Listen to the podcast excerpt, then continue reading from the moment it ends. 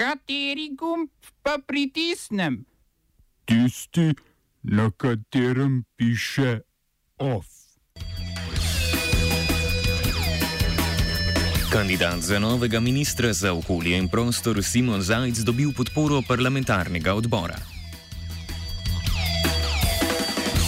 Podjetje Minis posel postavljanja panelne ograje in rezilne žice dobilo z lažno izjavo.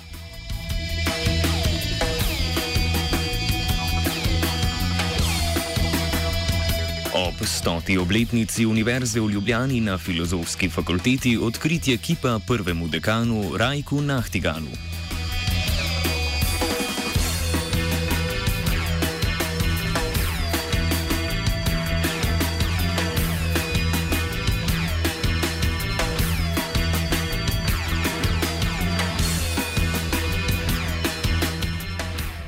Romunska premijejka Viorika Dančila je na srečanju ameriško-izraelske lobistične organizacije AIPAC v Washingtonu napovedala, da bo Romunija kot prva država članica Evropske unije sedež svojega izraelskega veleposlaništva preselila iz Tel Aviva v Jeruzalem.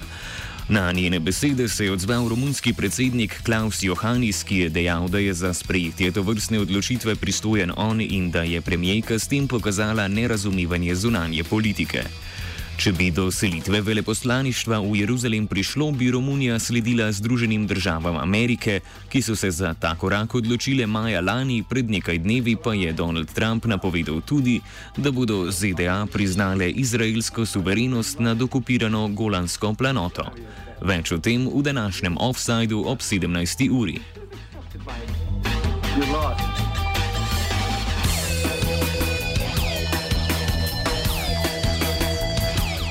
Volilna komisija na Tajskem je po tehničnih težavah vendarle razglasila delne rezultate parlamentarnih volitev.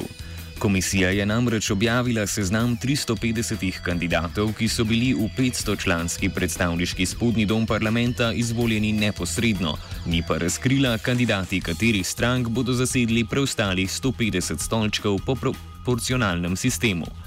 Po 95 odstotkih preštetih glasov je stranka Feutaj dobila 138 poslancev, na drugem mestu iz 96 poslanci sledi Palang Prašart, ki jo podpira vojska.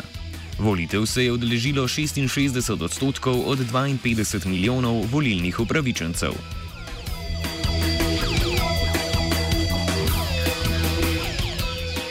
Feuta je medtem odbelodanila, da je pripravljena formirati koalicijo s katero koli stranko, da bi Palang Prašartu preprečila ohranitev oblasti. Na oblikovanje nove vlade bo vplival tudi 250-članski senat, imenovan izključno strani vojske, ki skupaj s predstavniškim spodnjim domom parlamenta na to imenuje novega predsednika vlade. Na Tajskem so bile to prve volitve po državnem udaru leta 2014, ko je z odstavitvijo premijejke Jingluk Šinavatri oblast prevzela vojska.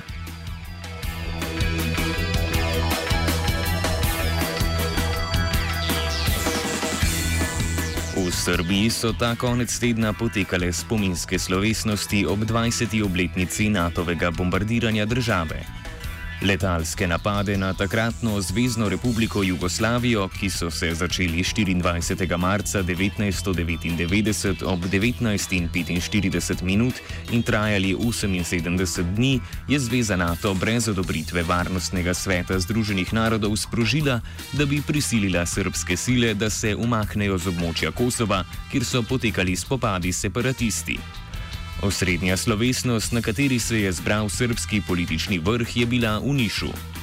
Predsednik Aleksandar Vučić, ki so ga med nagovor, nagovorom premagala čustva, je med drugim dejal, da se je, citiramo, Srbija kot Feniks dvignila iz pepela in da srpski narod ni napaka. Konec citata.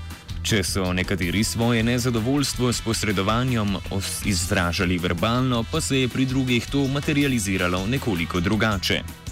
Tako je bil spet na delu morda najbolj znani za stavo mrznež predsednik in poslanec srpske radikalne stranke Vojislav Šešelj, ki je sredi Beograda zažgal zastavo NATO in Evropske unije.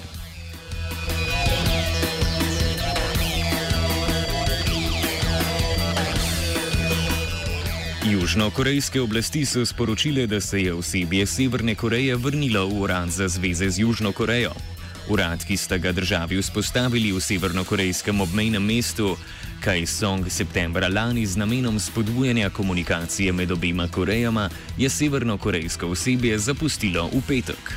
Tako kot ga je zapustilo, se je tudi vrnilo, brez uradnega pojasnila. Oba, če, če bom odgovoril na angliški. Slovenija will try to help. We can Slovenija will and we will do our utmost To say that the situation is our problem ourselves. and uh, We will make further steps as soon as the conditions are bomo vlado Marjana Cererja, Mira, Marjana Cererja Šarca podprli. uh, very, very serious. we know how and we will.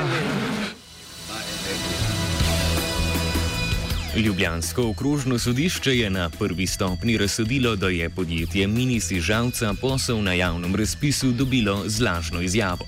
S tem, ko so v Minisu zatajili, da imajo za 3000 evrov neplačanih davkov in prispevkov, so kršili zakon o javnem naročanju, zaradi česar jim grozi petletna prepoved sodelovanja pri javnih naročilih. Če bo sodbo potrdilo više sodišče, bo moral Minis plačati 12.500 evrov, direktor Bojan Plohl pa 600 evrov kazni. Spomnimo, da je Minis tisto malo podjetje, ki je bilo novembra 2015 na javnem razpisu Zavoda za blagovne rezerve izbrano na, za veliki posel postavitve panelne ograje in rezilne žice za preprečevanje nezakonitih prehodov meje na slovensko-hrvaški meji.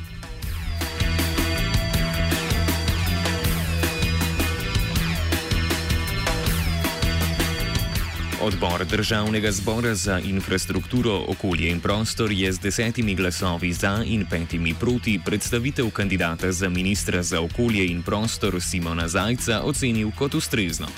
Zajc je kot ključne korake izpostavil prenovitev gradbene in stanovanske zakonodaje, zakona o vodah ter nadaljevanje urejanja področja odpadkov.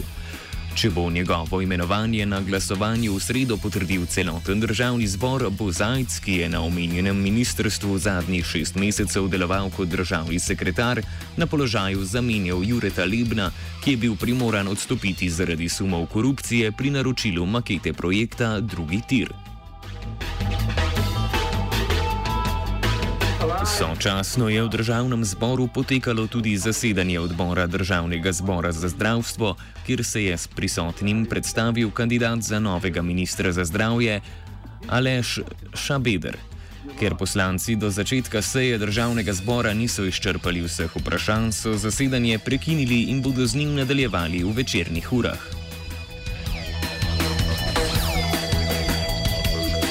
OF je pripravil žiga.